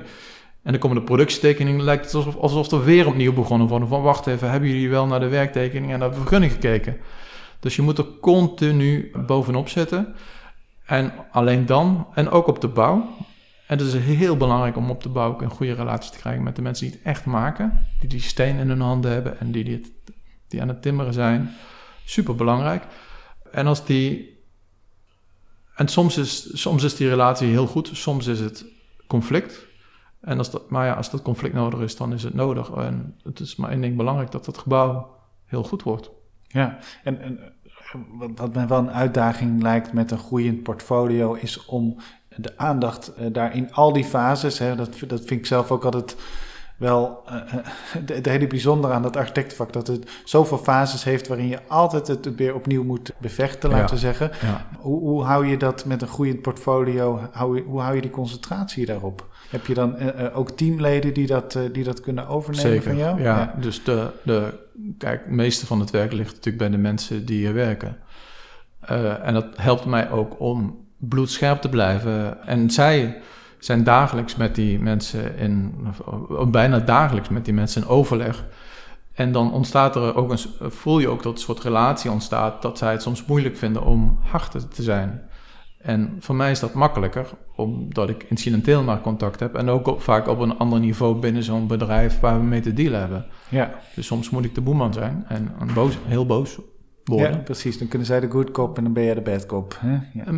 Ja, het is niet zo. Niet, niet, het is niet dat wij een spelletje spelen, helemaal niet. Maar ik, ik begrijp ook dat zij dagelijks omgaan met, met al die mensen die er ook bij betrokken zijn. Dus het is, het is, het is, het is geen manipulatief spelletje. Het is gewoon, er is maar één ding belangrijk: dat het heel erg goed wordt. Zoals we van tevoren bedacht hebben, met elkaar hebben afgesproken. Ja. En uh, het, het, we maken natuurlijk iedere keer een prototype. Ieder gebouw is een prototype. Dus, en als je een prototype maakt, per definitie gaan er dan dingen mis. Dat zit eigenlijk in ieder gebouw. En daar kan ik wakker van liggen. Ik zie vaak bij de gebouwen ze opgeleverd zijn alleen maar de dingen die niet goed zijn gegaan, naar mijn mening. Of die we misschien zelf niet goed hebben gedaan. Dat gebeurt ook vaak zat. Uh, dus in die zin is het wel heel belangrijk om er bovenop te blijven zitten. wanneer komt voor jou het moment dat je, dat je wel kan genieten van het resultaat, wat er, wat er gebouwd is? Het duurt een paar jaar. Het duurt een paar jaar, zo. Ik best wel lang. Ja, net als zo'n tandwielenfabriek. Als ik er nu langs fiets, dan fiets ik er ook met plezier langs. denk ik, ja, het is best wel oké. Ja. Best wel goed. Maar als je... Meestal duurt een project vijf tot zeven jaar. Zo'n beetje. En heel intensief. Natuurlijk zitten er wat, wat vertragingen in vaak en zo. Maar als je zo intensief met iets bezig bent geweest, dan krijg je ook een soort blindheid voor, kun je geen afstand meer nemen. Nee. Dus dat duurt een paar jaar voordat dat een beetje weg hebt. Nee, dat klopt. Ik heb wel eens een beetje te doen met de architecten die dan een, een opgeleverd project uh, mij rondleiding geven. Uh, want dan zie ik natuurlijk ook wel dingetjes die er nog niet af zijn of die dan net niet goed gelukt zijn. Uh, maar maar dat, dat moet, en, dan moeten ze tegen mij een, een, een positief verhaal vertellen. Maar ik, dat, dat lijkt me niet altijd makkelijk als je dan, op verdikken me. En dan zie ik ze ook soms nog wel notities maken van wat dan nog even besproken moet worden. Ja. Als je terugkijkt, eh, bijvoorbeeld over de tandwielenfabriek heb ik wel een leuk verhaal. Dat opdrachtgever, ik was woedend op de bouw, want de opdrachtgever had bedacht, er zitten dus patio's in het dak gedrukt. En er zijn een soort geheimpje, die zie je niet. Nee. Maar opdrachtgever heeft zelf besloten, zonder mij erin te kennen, om daar een raam in te maken in de wand van die patio, zodat je naar de woonkamer kan kijken. En om, ook omgekeerd, dat er een relatie ontstond. Heel lelijk raam, een soort bandraam. Dat komt, was woedend, was echt ziedend. En ik, maar ik heb het er niet uitgekregen. Ze hebben het gewoon een dag, stik er maar in, architect, doen het gewoon. Nou, nou, ik heb alles uit de kast gehaald. Het is me niet gelukt om dat weer gesloten te krijgen tijdens de bouw. En het was alles verkocht en uh, al die woningen waren heel mooi allemaal, allemaal verbouwd. Het waren casco-woningen. En toen, ging, en ik kreeg ook wel een, goed contact met heel veel van die bewoners. En ja, gewoon dat, dat, dat raam naar die patio, dat is echt briljant. Oké, ah, shit. oh, ja, dat is ook wel ja, confronterend, maar ook wel weer heel relativerend. Ja, maar het is ook never stop learning, hè? Dus uh, het is, uh, ja. Iets heel anders. Naast projecten in Nederland werken jullie ook aan enkele villa's aan de zuidkust van Spanje, in Marbella hoe zijn die zo op jouw pad gekomen? Ja, nou, het is niet in Marbella, het is een, uh, maar dichtbij een half uur van Marbella, onder Marbella. En ik heb het geluk dat heel veel opdrachtgevers waarmee we werken altijd terugkomen, met meerdere opdrachten. Uh, en dit is de opdrachtgever van de Fok Simonstraat, George van der Vlucht. En die belde mij uh, omdat wij altijd Spaanse stagiairs op bureau hebben. Altijd. Het is ooit zo ontstaan. En dat is een dat is heel erg goed bevallen, dus die zitten er altijd. En hij zei, ja, gewoon, ik, ik project in Spanje, dat weet ik, weet je toch, en uh, dat gaat niet goed. Uh, en uh, ik moet een andere Spaanse architect hebben. We hebben er nu al twee of drie gehad en het werkt gewoon niet, want het enige wat ze doen is grote witte dozen met heel veel glas. Maar het is dat bloedheet en, dat, dat, dat, en dat, die witte doos allemaal stukwerk, dat scheurt, dat werkt niet. Ik moet een goede Spaanse architect hebben. Hij zei, ja, wat zoek je dan? Ja, uh, weet ik niet precies, maar... Uh, en toen heb ik voorgezet, ja, uh, zal ik het eens proberen? Ja, het, werkt niet, het is heel anders. zijn bergen en die zon, het is een heel andere manier van werken. Toen hebben we afgesproken van, laten we bij elkaar komen. Ik denk erover na. Ik kom niet met een, met een ontwerp of zo, maar ik denk er nou, wat, wat zijn de thema's die belangrijk zijn? Ja. En dat doe jij ook. En als, we, uh, als daar een match in zit, dan gaan we verder. En als er geen match in zit, dan uh, ga ik op zoek voor jou naar een Spaanse architect. Ja. Nou, en wat we bedacht hadden en wat zij voorstelden, dat matchte echt één op één met elkaar bijna. Dat was echt heel wonderlijk. En toen zijn we begonnen. En om, om even de situatie te schetsen, wat voor uh, ik ben er nooit geweest in die regio. Ja. Van wat, wat, voor, wat voor landschap is dat? Het is natuurlijk wel een vrij heel zuidelijk, dus een wat, wat, droger landschap, kan ik me voorstellen. Ja. Het is een bergachtig gebied op een kwartier rijden van zee. Het is een natuurgebied, beschermd natuurgebied. Tussen daar en Ronda is er niks, zeg maar. Je rijdt dan, je kunt, er is een weg direct naar Ronda. Die, dat duurt een uur of iets meer dan een uur. En dan ben je alleen maar in de natuur. En dit ligt dus in een natuurgebied en daar is een oud bestemmingsplan uit de jaren 80. Vandaar dat daar nog gebouwd mag worden. En mijn opdrachtgever koopt daar regelmatig een kavel bij. eh, als er iets interessants vrijkomt. En dus we werken allemaal binnen één gebied, dat heet Montemayor. Kwartiertje van de zee in de bergen. Met dan de meeste plekken waar we aan werken hebben uitzicht op zee. Maar wel in bergachtig ruig gebied. Ja. Hellingshoek is 30 graden, 45 graden, soms, soms nog steiler. Zo. Met nog heel veel natuurlijke vegetatie. Dat is wel heel bijzonder. Dus het concept wat we bedacht hebben is erop aangepast dat wij... eh, Zo'n kavel is zo'n 2000 vierkante meter. Maar we bebouwen maar een klein stukje ervan. Die villa's zijn zo'n 300 vierkante meter gemiddeld. En we, we bouwen alleen het, de villa, maar de rest van het kavel laten we compleet intact. Omdat het ook heel belangrijk is met de, met de verandering van het klimaat. Het is en knetterdroog, maar het kan ook zo een week heel hard regenen. En die bergen, toen ik er de eerste keer kwam, ja, het zijn bergen. Maar die zijn op iedere locatie, in datzelfde gebied waar we werken, zijn ze anders. Op één locatie is het wit marmer bijna. Op de andere locatie is het een berg van bruinrode grote rotsblokken die in een soort kleigrond liggen. En het, vanwege die grote eh, regenbui is het wel heel belangrijk dat je die bergen intact laat. Er zijn ook heel veel Ja. ondergrondse eh, stromingen. Dus we proberen die berg zoveel mogelijk intact te laten. We volgen met onze, ons concept dus dat we de hoogtelijnen van de, van de berg volgen. En dat geeft de vorm min of meer van de villa's. Maar ook dat we zo weinig mogelijk graven. Eh, wat, wat voor woningen zijn dat? Het zijn woningen die een beetje, en zeg, zich een beetje nestelen in die, in die hellingen. Ja, en bijna verdwijnen in de hellingen. Want dat is ook wel interessant. Toen eh George van der Vlucht mij, eh, toen ik er de eerste mee over had, van ja, wat, wat gaat er nou mis? Nou, wat, eh, wat gebruikelijk is in die regio, is dat als je een steile berg hebt, dat ze een soort containing wall, dus een, een wand bouwden om weer een vlak stuk grond te krijgen. Ja. Wat natuurlijk helemaal niet goed is met al die regenbuien, want die wanden die moeten wel van een natuurlijke wand zijn vanwege Ja. de regelgeving daar gelukt. Het zijn groene Ja. wanden. Ja. Ja, die stocht in elkaar op een gegeven moment met heel veel regen. En op dat vlak stuk grond zet je dan een pompeus huis neer, wit natuurlijk, met een oprijlaan en een zwembad erachter. En wij proberen woningen te maken die, verber- die verdwijnen in de berg. Dus eh, we maken, eh, dus bij het eerste huis wat we gemaakt hebben, bijvoorbeeld rijden op het dak vanuit de weg. Er staat een klein doosje en van daaruit ga je naar beneden naar je villa. Dus eigenlijk als je aankomt rijden, zie je het huis helemaal niet. En zeker nu, omdat we de daken die we maken zijn of groene daken, er staat vegetatie op, de natuurlijke vegetatie van de streek. Eh, of het zijn terrassen en dat is dan je buitenruimte. Dus Ja. er is geen tuin in de zin van een groen grasveld. En daarnaast hebben, maken we grote overstekken, zodat die hele heftige zon daar niet in je woning komt. Alleen zwinters een klein beetje, want dan is het weer lekker. Dus de onderste Ja. 10 centimeter van het gras wordt af en toe geraakt door de zon. Eh, om ook veel minder airconditioning nodig te hebben. En dat is ook wel een leerproces met de lokale partner. Dat de normale manier van bouwen daar was dat ze een vloer maken van 40 centimeter, betonelementen. En dan nog eens een verlaagd plafond van 40 centimeter voor die dikke kanalen voor die airconditioning. En wat we nu doen zijn vloeren van 25 centimeter. En alleen in de gangen en de badruimtes maken we airco. En het is maar 10 centimeter plafond. En dat steekt naar binnen naar de verblijfsruimtes. Ja. Dus we hebben veel minder airco nodig.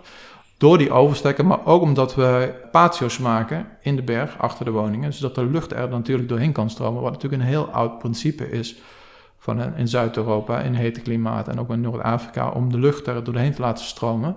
Ja, want dat vroeg Eh. ik me inderdaad wel af als je het inderdaad in de helling opneemt, van hoe ventileer je dan? Ja. Maar dan maak je dus patio's eh, achterin, zodat, je, zodat, die, zodat die lucht daar doorheen kan. Hè? Ja, Ja. ja, eigenlijk heel simpel.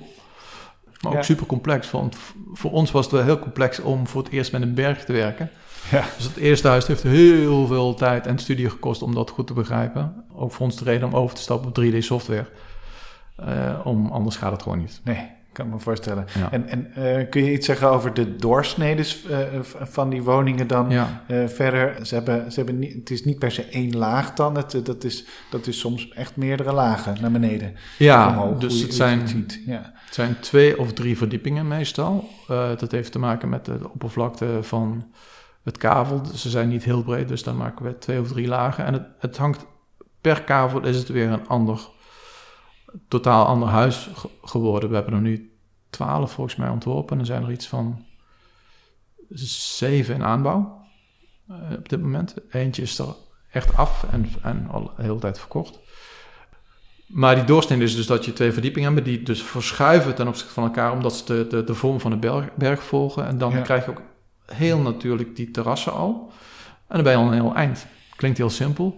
En we, we geven ze ook de kleur van de, van de context. Dus zodat ze niet als die hele witte villa's zo fel oplichten uit het landschap, maar dat ze een beetje verdwijnen in die natuur. En het eerste huis was nu bijna twee jaar klaar volgens mij. En die, die planten die doen het heel goed. Dus de laatste keer dat ik was, kon ik, kon ik het al niet meer vinden. ik reed er gewoon voor- voorbij, omdat het al zo eh, groen was geworden, eh, dat het huis helemaal verdwenen was. Ja, en dat mooi. vind ik eigenlijk het beste wat we kunnen doen. Het is, ik, wat ik wel fascinerend vind, is dat het, wat voor groot contrast het is met inderdaad wat, wat er dan gebruikelijk eh, Ja. aan een soort van show, show-architectuur eh, gemaakt wordt. Van kijk maar eens hoeveel geld ik heb en eh, dat, dat wil uitdrukken. En dan ga je eigenlijk naar wel luxe woningen natuurlijk, maar echt goed in het landschap. Dat volgen en dan niet de, dat pompeuze terras met dat enorme zwembad, maar dat, dat veel meer integreren. Hoe, eh, hoe wordt dat door, door de gebruikers daar ervaren? Is, daar, is, daar is echt een markt voor, om, voor zo'n alternatieve benadering. Ja, die is nu ook wel flink aan het groeien. Ik denk ook wel dat corona daar een beetje bij geholpen heeft.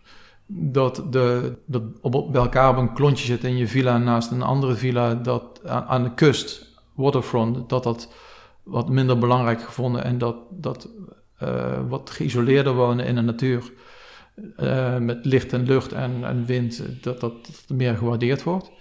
En toen we met dit project begonnen, daar vond de Spaanse partner nog wel best spannend om dit te gaan doen. Want het week wel heel erg af van het normale patroon zoals je net beschreef. Ja. Dus het heeft wel lang geduurd of voordat het begon te borrelen dat het wel goed is. Ja. En nu gaat het heel goed. Nee, want het is natuurlijk van, vanuit het perspectief van hè, on- on- wa- wat voor toekomst ontwerpen we ook voor deze planeet. Ja, Is dit natuurlijk de, de richting waar, waar je eigenlijk zou wensen dat, dat dat alleen nog maar gedaan wordt in die regio. Hè? Dat ja, is- ja. En het is natuurlijk een regio. Ja, je, je- wat je zei, je kent het gebied niet zo goed, maar het is een regio. Sp- Spanje heeft eh, best wel veel natuur kapot gemaakt. Zeker aan de kusten, waar de infrastructuur is neergelegd, omdat daar natuurlijk wat vlakker is. Dus de wegen, de treins, eh, de sporen en rigoureuze stedenbouw. Dus Spanje heeft best wel wat lelijke plekken aan de kust en zeker ook eh, in dit gebied. En die natuurgebieden, daar moeten we ook waarborgen. En het is dan heel bijzonder omdat we in die natuur nog mogen bouwen op een aantal plekken. En daar moet ook zoveel meer worden omgegaan. En ik geloof dat dat bewustzijn wel groter wordt op dit moment, ook in, eh, in Spanje. Nee, ik zie interessant verband met een, een podcast die ik eerder opgenomen heb met Bjarne Masterbroek, die net een boek heeft gemaakt, Dig Ja. It, waar, waar het onder andere over dit soort architectuur gaat. En dan eh, ja, vermoed ik dat als deze projecten wat eerder klaar waren geweest, dat ze daar misschien wel in, eh, in opgenomen waren. Eh, achter jou hier in de ruimte zie ik allemaal eh, 3D-prints op dezelfde schaal eh, van, van de projecten eh, waar je aan werkt. En wat dan wel heel fascinerend is, is dat sommige van die woonprojecten eh, net zo breed zijn als, als die villa's in Spanje. Ja, dat, dat was ook voor ons een grote schok. dat idee ontstond op een gegeven moment omdat in alle architectenbureaus staan maquettes en de ene is groot, de ander is klein, maar je weet eigenlijk niet hoe ze zich tot elkaar verhouden. Zo ontstond het idee dan om de projecten waar we aan werken en de meeste waar we aan gewerkt hebben, om die op dezelfde schaal te maken, om te zien hoe die zich tot elkaar verhouden. En dat is een beetje gek dat we alleen de gebouwen printen, want mijn stelling is, we beginnen altijd met context, maar nu zie je al die gebouwtjes zonder context, maar zie je wel de relatie tussen elkaar. En dat vind ik daarin heel belangrijk. En ik had nooit verwacht dat zo'n project als Fox Simonstraat gewoon even lang is als één villa. Ja, En die villa's zijn dus op zich niet eens zo absurd groot. Ja, 300 vierkante meter is natuurlijk een hele grote woning, maar voor buitenhuizen in, in Zuid-Europa is dat niet zo groot. Nee. Maar juist door die enorme overstekker die we maken en dat het maar twee verdiepingen zijn, rekt het zich wel lang en pakken we vaak de maximale breedte die we kunnen maken op zo'n kavel. Ehm, en dan in één keer zijn ze tot onze verbazing ook even, even breed als een heel stuk. Nee, Stad. exact. Ja, ze zijn denk ik minder diep en eh, natuurlijk minder gestapeld. Dus er Ja. is- het zijn wel belangrijke verschillen. Maar het is inderdaad wel fascinerend om te zien dat dat... Wat het verschil eigenlijk tussen in de stad bouwen en, eh, en dan in zo'n, in zo'n landschap, eh, wat, wat voor groot verschil dat is. Ja. Enorm, ja. Ja, en eh, tenslotte over, over die villa's ben ik benieuwd van... eh, wat, voor, wat voor ruimtes ontwerp je dan binnen? Je hebt de overstekken, veel glas. Is dat dan een, een, beetje een modernistisch verhaal met veel, zoveel mogelijk open? Hoe, kun je er iets over zeggen? Als, je, als, als er een berg is met, met kavels waar weer kavels naast liggen, is de oriëntatie vaak naar één of twee richtingen. Eh, we hebben één heel bijzonder kavel nu net gemaakt waar je oriëntatie hebt in bijna 360 graden. Dat is weer een hele andere opvatting. Heel ander ontwerp geworden. Maar feitelijk is, die, is, de, is die, die, dat zicht naar de zee, maar ook met de richting van de berg mee het belangrijkste. Maar daar proberen we wel ruimtelijk nog heel veel tussenkamers in te maken. Dus dat er ook binnen zo'n, je zou kunnen, heel simpel kunnen zeggen, we maken een hele lange woonkamer, eetkamer en wat slaapkamer, we zijn we. En alles is gericht naar de zee. Ja. Maar het is, we maken het veel, naar mijn mening, interessanter door ook heel veel patio's in het gebouw te maken. Niet alleen voor de luchtdoorstroming, maar ook tussen kamers onderling. Zodat het niet een aaneengerekte loftachtige ruimte is. Dus vaak tussen eetkamer en woonkamer proberen nog een een kleiner terras te maken, maar ook aan slaapkamers proberen we te voorkomen dat we hele lange gangen krijgen, dat er weer een soort tussenruimte ontstaat, dat het ook in de configuratie van de, van de, van de ruimtes meer is dan alleen maar boem, dat uitzicht naar zee. Ja, precies. En sommige kavels zijn ook super interessant omdat ze maar net ergens op één puntje een uitzicht naar zee hebben, maar uh, juist dat één villa is mijn favoriet, dat zich helemaal keert naar een grote groene bergwand die altijd zo kan blijven, daar mag nooit op gebouwd worden. Dat is Montemayor.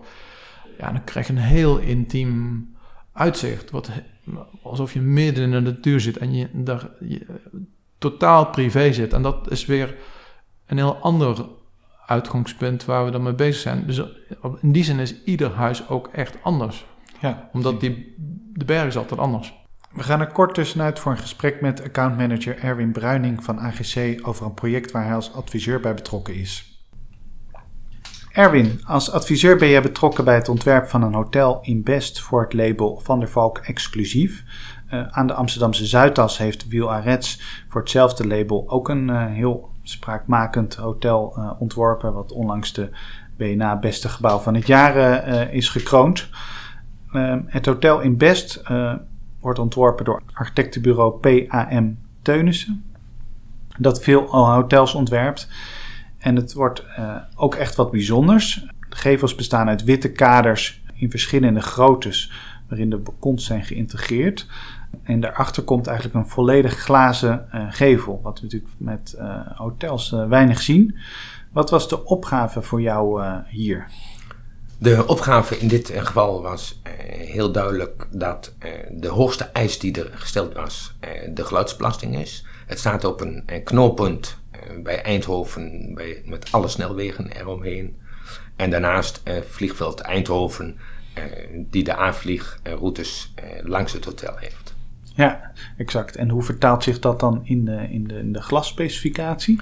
Bij de glasspecificatie is er duidelijk rekening gehouden met de zware geluidsbelasting. Eh, trippelbeglazing is er toegepast en daarnaast nog een zonwerende beglazing. En dan ben ik ook benieuwd hoe dat dan uh, in dat ontwerpproces gaat. Van wat voor monsters uh, worden daar gebruikt? Uh, kun je daar iets over vertellen? In dit geval zijn, er, zijn we begonnen met kleine handmonsters om de kleurstellingen te bepalen van zowel de beglazing als de kozijnen.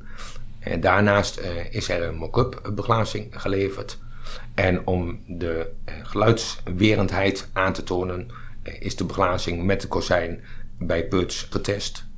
En komt dat vaak voor dat je ze inderdaad ook nog helemaal laat, uh, laat testen dan in een laboratorium? steeds vaker wil men uh, projectspecifieke testen uitgevoerd hebben. om ook zeker te zijn dat de afmetingen en de geluidsbelasting met elkaar overeenkomen en het gewenste resultaat opleveren. Um, wat ik dan aardig vind ook nog aan dit project is dat hè, er ook nog balustrades in die gevel zijn opgenomen. En die leveren jullie als AGC ook? Ja, ook de balustradebeglazing uh, hebben wij voor dit uh, werk geleverd. er zitten in elke hotelkamer schuifbuien in met een balkon aan de voorzijde waar de mensen kunnen verblijven. En om de veiligheid te garanderen dat men niet van het balkon af zou vallen, is daar een glasbalustrade toegepast. En dat glas is, uh, is, is een stuk eenvoudiger opgebouwd dan uh, het glas in de feitelijke gevel. Ja, dat is uh, juist. De balustradebeglazing die bestaat uit gehardgelaagde beglazing om de veiligheid van de hotelgasten te garanderen indien men op het balkon komt. Ja, precies. Om doorval te voorkomen natuurlijk. Ja. En dat vind ik dan toch interessant, omdat jullie dan, daar is, dat is natuurlijk een veel eenvoudiger uh, proces uh, ten opzichte van de feitelijke gevel. Maar ja, jullie uh, leveren natuurlijk van alles. Wij zijn als ja. glasfabrikant de complete leverancier. En zowel voor het gevelgedeelte als ook de balkon- of enkelglasbeglazing. Ja. En binnenbeglazing toepassingen. Oh ja, precies. Ook nog in het interieur. Interieur en toepassing, brandwerende interieurtoepassingen en beglazingen worden ook door ons geleverd. Ja, interessant. Ja. Dankjewel Erwin. Meer informatie over alle soorten glas uh, die AGC levert is te vinden op agc-yourglass.com. Op die website vind je ook de Glass Configurator, waarmee je zelf het glas voor een project kunt samenstellen en via renderingen bij verschillende weertypes kunt bekijken. We zijn weer terug bij ons gesprek met architect Ronald Jansen. Um, ik wil vanuit die kleine schaal in Spanje nu uh, naar de wat grotere schaal, waar je steeds meer aan werkt. Um, in de spoorzone van Delft uh, werken jullie aan een lage woontoren van 11 lagen. Een, een hoogteaccent daar waar het nieuwe park de brede Irene uh, Boulevard ontmoet. Voor deze woontoren hebben jullie een interessante geknikte gevel ontworpen met, met ook weer grote raampartijen. Aan, aan wat voor gevelbekleding, want dat, dat kun je op de renderingen nog niet zo goed zien, mm denken jullie daar? Uh, metselwerk wordt het, ja. Moeilijk metselwerk, omdat het een gevel is met uh, hoekige punten. Het is een hoekig gebouw en dat maakt het netwerk wel moeilijk. Dus er is best veel zaagwerk. Dus een lange zoektocht geweest om de juiste steen te vinden, want we willen ook een heel licht gebouw maken. Ja. Maar in, in, in het voorproces hebben we aan heel veel materialen gedacht. We dachten misschien wordt het wel prefab van een of ander materiaal. Uh, maar uiteindelijk is het toch gekozen voor metswerk. Om het ook een beetje zacht te maken. En het is aanraakbaar, het staat in het park. Dus we ook heel, vond het ook heel belangrijk dat, dat je het kan aanraken. Nou, spannend wat het gaat worden. Onderin deze toren komt de nieuwe huisvesting van Arthouse Bioscoop Lumen. Mm uh, ik, ik heb dan in, in, in, bouwkunde in Delft eh, gestudeerd en dat was wel een van de plekken waar ik heel graag naartoe ging. Wat ik jou nou wil vragen is, van dat, dat, dat is natuurlijk fantastisch dat, uh, dat, dat dat gebruikt wordt om nu uh, die spoorzone ook echt publiek programma te geven. Maar onderin een woontoren lijkt het me ook, ook een uitdagend programma om dat daarin een plek te geven. Het is heel uitdagend. Ja. Zeker. Uh, dit is het hoogste gebouw van het spoorzonegebied. En het moest een uh, culturele functie krijgen. Dus dat was een enorme opgave voor de opdrachtgever om dat te vinden. En het is uh, vrij heel bijzonder dat het een lokale filmhuis is geworden. Of gaat worden. we, moeten nog, we zijn met de vergunning bezig, dus we, er, is nog een, een heel traject te gaan. En het is ook nog een driehoekig kavel. Dus een driehoekig kabel en filmzalen, dat is, een, dat is moeilijk. Ja, maar het lijkt me ook qua uh, draagconstructie, hè, wat, je, wat je natuurlijk van een, een, toren moet naar beneden komen en dan in één keer heb je onderin, uh, moet, dat, moet, moet je daar uh, gaan wijken, want ja, een, een bioscoopzaal heeft ruimte nodig. Ja. lijkt me ook ingewikkeld. En er moest ook nog een parkeergarage bij. Oh ja, Op, nou, niet eronder, maar die zit er ook nog in die plint. Dus we hadden, één was het een lange zoektocht om die zalen goed te configureren. Dat was hoofdzaak 1, want hoe maak je een goed plintprogramma met de foyer aan de parkzijde? Daar zijn, ik weet niet hoeveel modellen we hebben gemaakt om te onderzoeken, maar uiteindelijk is het dat geworden. En er blijft te weinig ruimte over om al het andere programma wat je in een blind nodig hebt, fietsen, stallingen, containerruimtes, de hoofdentree voor alles wat boven gebeurt. Dat was echt, dat, dat zit echt op de centimeter. Maar dat, dat zit uiteindelijk wel op, dat, op, dat, op de begaande grondniveau. Ja, uh, Heb, je dat, heb je dat erin gekregen? Ja, om een voorbeeld te noemen. Een paar maanden geleden kregen we de boodschap dat niet zoals afgesproken de traforuimte 3 bij 3 meter was, maar 3 bij 4. Nou, dat was een drama. Kregen we er gewoon niet meer in. Dus dan hebben we weer eindeloos moeten puzzelen en toch weer ergens een verdiepingje in moeten, moeten verdiepen om weer dat allemaal voor elkaar te krijgen. Zo nauw zat het. En um, ja, je hebt een stapeling van een filmhuis met woningen. Dat is een totaal ander constructief principe. Dus dat was echt heel veel engineering, ook met, met de constructeur, om daar een goede modus in te vinden. En die is een jaar geleden ook weer omgegooid vanwege bouwkosten, omdat we er anders niet uitkomen. Dus daar zit heel veel engineering in. Ja, en hoe is dat uiteindelijk opgelost dan nu? Uh, nu is het zijn dus dat de draagstructuur zoveel mogelijk matcht met, uh, met de bioscoopzalen, de betonnen bioscoopzalen, de betonnen structuur van de bioscoopzalen. En dat daar schijven op staan die matchen met die structuur. Ja, precies. Ja. Puzzelen, puzzelen, puzzelen. Puzzelen, puzzelen, puzzelen, puzzelen, puzzelen. En dan krijg je weer de volgende uitdaging is natuurlijk in de, in de gevel. Hè? Ja. Je hebt dan uh, aan de parkzijde kun je dat dan heel transparant maken. Maar ja. een bioscoop is natuurlijk altijd heel ingewikkeld voor architecten... omdat je allemaal gesloten uh, geveldelen ja. hebt. Um, wat, wat, wat is jullie oplossing daarvoor? Nou, die is tweeledig. Eén is een oplossing op de hele lange termijn. Want we hebben ook nagedacht van ja, er zit nu een bioscoop, maar wat is de toekomstwaarde van een gebouw wat betonnen zalen zijn? Dus we hebben een structuur bedacht dat de, er zit een soort uh, grid in het gebouw van openingen. En dat, hebben we ook, dat grid zit ook in de plint. En uh, het is mogelijk om die gevel open te maken in de toekomst. Zodat het ook meer kan zijn dan een bioscoop. We hopen dat Lume daar voor, voor duizenden jaren blijft zitten. Ja. Maar het is mogelijk om er een andere functie in te krijgen. Je kunt daar daglicht, we kunnen daar daglicht in maken op termijn, mocht dat nodig zijn. En zo heeft het, het gebouw ook veel meer toekomstwaarde in zijn casco. Dat is één ding. Maar het tweede is dat het op dit moment wel heel veel gesloten gevel is. En daarvoor hebben we een gesloten gevel heeft, is één, uh, niet zo goed voor de straat, voor, voor de beleving van een gebouw. Maar ook heel veel risico op graffiti en, en troep. Dus we hebben voor die plint hebben we bedacht dat we daar geperforeerde panelen maken met uh, prints bedachten van uh, op dezelfde manier als we met de tandwielenfabriek hebben gedaan. Dat je net wel ziet, net niet ziet uit welke film het is of van welke acteur het is, maar er zit overal portretrecht op.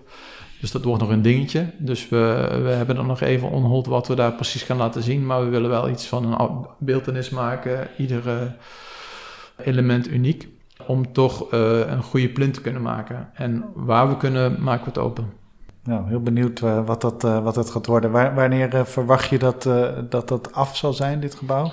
We verwachten aankomende zomer, net voor de zomer, te beginnen met bouw. En dan zal het denk ik wel anderhalf jaar duren. De laatste jaren werk jij op steeds grotere schaal, ook uh, op Oosterburg hier in, uh, hier in Amsterdam. En uh, hoe, ervaar je dat? We hebben net gehad over wat, wat compactere projecten in Nederland en daarbuiten, waar je dan, denk ik, ja, ook door de, door, de, door de structuur met de bouwers, met de opdrachtgevers, ja, echt die detaillering tot op het eind hopelijk kan controleren als je dat goed en goed doet. Maar dat hoe groter je werkt, lijkt me wel steeds ingewikkelder worden. Hoe, hoe, ervaar je dat? Nou, die grotere projecten die we nu doen en, met Oosterburg en de Wisselsporen, en er komt nog iets aan, dat, dat is een hele andere manier van werken. Omdat je dan ook in een team werkt met andere architecten. En op een bepaalde manier is het ook wel interessant, omdat ik, waar we mee begonnen, dat ik heel veel stedenbouwkundig onderzoek heb gedaan toen ik net voor mezelf begon. En nu deze, deze wijken maken, heeft ook met heel erg met stedenbouw te maken. Dus het is veel meer dan proberen een goed passend gebouw in zijn context te maken. Je bent in één keer ook de context zelf aan het maken. Ja. Natuurlijk zijn er uh, stedenbouwkundige visies en beeldkwaliteitsplannen en er is supervisie. Dus er zijn heel veel mensen die er al over hebben nagedacht. Maar de, de, de grootste verantwoordelijkheid die, die vind ik in zo'n project is dat het ook als stuk stad goed zal functioneren. En dat heeft enorm veel te maken met de plinten van zulke gebouwen. Het zijn zoveel woningen, het zijn projecten van, van 400, 500 woningen. Dan, en die woningen die gaan meestal wel goed. Natuurlijk is het een enorme uitdaging om dat qua programmering en qua doelgroepen en qua uh, samenstelling goed te krijgen. Maar ik ben vooral altijd bezorgd van hoe maak je die plint, want dat is toch wel de connectie tussen zo'n gebouw en de straat. En daar ben ik heel veel mee bezig, omdat vind ik heel belangrijk om, daar, om dat goed te krijgen. Maar het is ook wel heel erg bijzonder en ik leer er veel van om met andere architecten samen te werken. We werken dus met Oosterburg met uh, Paul de Ruiter en Bastien Jongerius en in, in, Utrecht met uh, Nine Dots en uh, Cortilens. Ja, ik leer ontzettend veel van collega's. Zij ja. Zij weten vaak veel meer dan ik weet. Oké. ja. En dan, dan word ik verrast door hun idee. Ik denk, wow, dat is echt wel interessant. En dan, uh, dat, dat maakt het heel bijzonder. En, en als je het hebt over die plinten, van, uh, ja, wat, wat voor ingrediënten kun je dan uh, als architect daarin toevoegen om, dat, om dat goed te krijgen? Nou, daaraan voorafgaand, er, wordt door, er is al heel lang nagedacht al over zo'n project. En in dat nadenken bespeur ik vaak een soort naïviteit van, van gemeentes en iedereen die daaraan werkt hoe fantastisch die plint zal worden. Er wordt eindeloos uh, vaak de creatieve industrie bijgehaald en de maakindustrie. Maar um, ik wil niet te negatief zijn, maar hoeveel creatieve industrie hebben we wel en maakindustrie die echt ook in een buurt terug kan komen? Want maakindustrie die maken dingen, dus die, die timmeren misschien, heel of lastig, die maken heel lastig, geuren. Ja. Dat vind ik nog een lastig uitgangspunt. Dus ik ben ook altijd zoek naar een soort realisme. Wat kunnen we echt gaan maken? En maar van de andere kant is de stad veel sterker dan wij zijn. Uh, je ziet vaak, Eiburg vind ik zo'n voorbeeld, dat wat daar bedacht is, is nou, nu is toch op dit moment heel anders geworden. Niet heel anders, maar wel. Het, de stad is wel zo geduldig en kan het aan dat het zich langzaam voegt naar wat werkelijk de wensen zijn en de behoeftes zijn en wat goed past op een plek. Maar dan moet die structuur ook er zijn, dat dat ook er in kan komen. En ik vind het nu nog vaak te monofunctioneel ge, uh, uh, vastgelegd in bestemmingen, wat er mag komen. Ja. En op Oostenburg is het ook best wel strikt wat waar mag komen. Dus ik zou ervoor pleiten en dat, om dat veel opener te laten wat er kan komen. En dan is iedereen bang voor, ja, dan krijgen we straks... Dat kan ook betekenen dat er straks alleen maar uh, één soort van gebruik zit, wat je ook niet wilt. Dus ik begrijp de stad ook wel heel goed, de stedenbouw is ook wel heel goed dat je daar uh, iets in moet afspreken. Maar ik vind het nu wel heel erg nauw omschreven. Het moet echt dit zijn. Omdat er een enorme wens is om bijvoorbeeld die creatieve industrie en die maakindustrie in de stad te houden. Dus ik snap dat ook wel. Maar er zit wel een enorm spanningsveld in, in, de, in, de, in de ruimte die een stad nodig heeft om zich door te kunnen ontwikkelen in de loop van de tijd. Want niemand kan voorzien hoe bijvoorbeeld Oosterburg over vijf jaar, wat ja. daar de behoefte is in die plinten. Uh, er zit een enorm spanningsveld tussen wat ik continu wel ter discussie wil stellen. Ja, en wat, wat dan natuurlijk ook nog speelt is dat... Uh, ik kan me ook voorstellen dat je op een gegeven moment, zeker in zo'n buurt, heb je zoveel plint dat, dat, dat er op een gegeven moment druk ontstaat om daar toch wonen van te maken. Maar wonen uh, is natuurlijk heel moeilijk weer terug te draaien tot, tot een, tot een publieker ja. programma. Ja. Uh, hoe ga je met die spanning om? Nou, een kijk, als je wonen in een plint wil krijgen waar nu bedrijven zitten, dan zal het altijd gemengde uh, bestemmingen één moeten zijn. Dat het beide kan. En dat zie ik bijna nooit in een nee. uh, bestemmingsplan meer zitten. Terwijl het eigenlijk wel een hele goede bestemming zou zijn, want dat is eigenlijk de hele binnenstad. Ja, nou ja, dus dat, dat, zie je bijvoorbeeld op Eiburg ook wel veel gebeuren. Hè? Van dat, uh, daar hebben ze dan, denk ik, in het, in het masterplan ook wel, wel op voorgesorteerd. Dat je in sommige in de plint. Dat, ja. je, dat je daar uh, kleine studio's hebt, ook architectenbureautjes, die dan aan de, aan de straat uh, daar, daar mensen kunnen ontvangen en daarachter wonen. Ja. Uh, of daarboven wonen. Hè? Dat ja. Is, ja. ja. ik ben niet. Maar misschien ben ik naïef in, in die stedenbouw niet zo bang dat je het gewoon af laat hangen van hoe de tijd is. Ik heb één projectje dat, op de Cornelis Schuitstraat en dat heeft heel lang geduurd. En ik geloof dat we daar negen vergunningen voor hebben aangevraagd, omdat de opdrachtgever, uh, dat was een heel moeilijk project om qua vergunning voor elkaar te krijgen. En de opdrachtgever veranderde continu van mening. Van nou, nu is het beter om te wonen in de blind. Oh nee, nu is het beter dat er winkels zijn. Oh nee, nu is het beter dat het kantoren zijn. En al, alleen al in de fase van dat project is het drie keer van bestemming gewijzigd. En het geeft al aan dat, dat, dat het een stad veel meer kan hebben dan wij op dit moment bedenken. Dus als zo'n plan als Eiburg dat het, het het kan wijzigen in de loop van tijd of dat er verschillende manieren van gebruik mogelijk zijn, is de stad er volgens mij alleen maar bij gebaat. En dan dat we dat heel strak inkaderen. En ja, misschien is het dan niet zozeer niet goed zoals we het nu bedenken, maar als er maar ruimte maar is dat het zich kan aanpassen, dat is denk ik wat een stad wel echt nodig heeft. Dat je daar ja. misschien en kan wonen, maar ook kan werken en ook misschien een, een winkeltje kan hebben. Waarom niet? Exact, en dan dus een, een, de, de plafond wel op de juiste hoogte bouwen, ja. uh, zodat je, zodat je die, die flexibiliteit in de toekomst hebt. Hè? Nou, dat zie ik gelukkig wel in alle plannen die op die schaal gemaakt worden. Die plinten is altijd hoog. Ja. En dat gelukkig wel. Dat, die is nooit op, wel, uh, op 260 of zo. Die is altijd wel meer dan 3 meter. Dus dat, dat, dat gaat volgens mij wel goed. Maar ja, ik zou wat meer vrijheid zou willen in die, uh, in die plint. Ja, nou, dat is interessant, uh, interessant om over na te denken. Uh, dankjewel, Ronald, voor dit gesprek. Dank ook aan AGC voor het mede mogelijk maken van deze podcast. Dank jullie voor het luisteren. Tot de volgende keer. Dankjewel. Ik heb nog één ding om toe te voegen. Over de Fokker Simonstraat. AGC heeft daar het glas geleverd, hè? Dat wist ik niet, nee. Dus we hebben daar... Het glas hebben we gekleurd ook. We hebben AGC met een glasbus laten komen. Die hebben ze. En we hebben ook het glas gecomponeerd in kleur. Zover zijn we gegaan. Want glas is vaak groen of blauw, hè? maar we hebben daar is het een beetje chroomachtig. Met AGC-glas. Nou, dat als een soort PS aan deze podcast. Dank je wel. Alsjeblieft.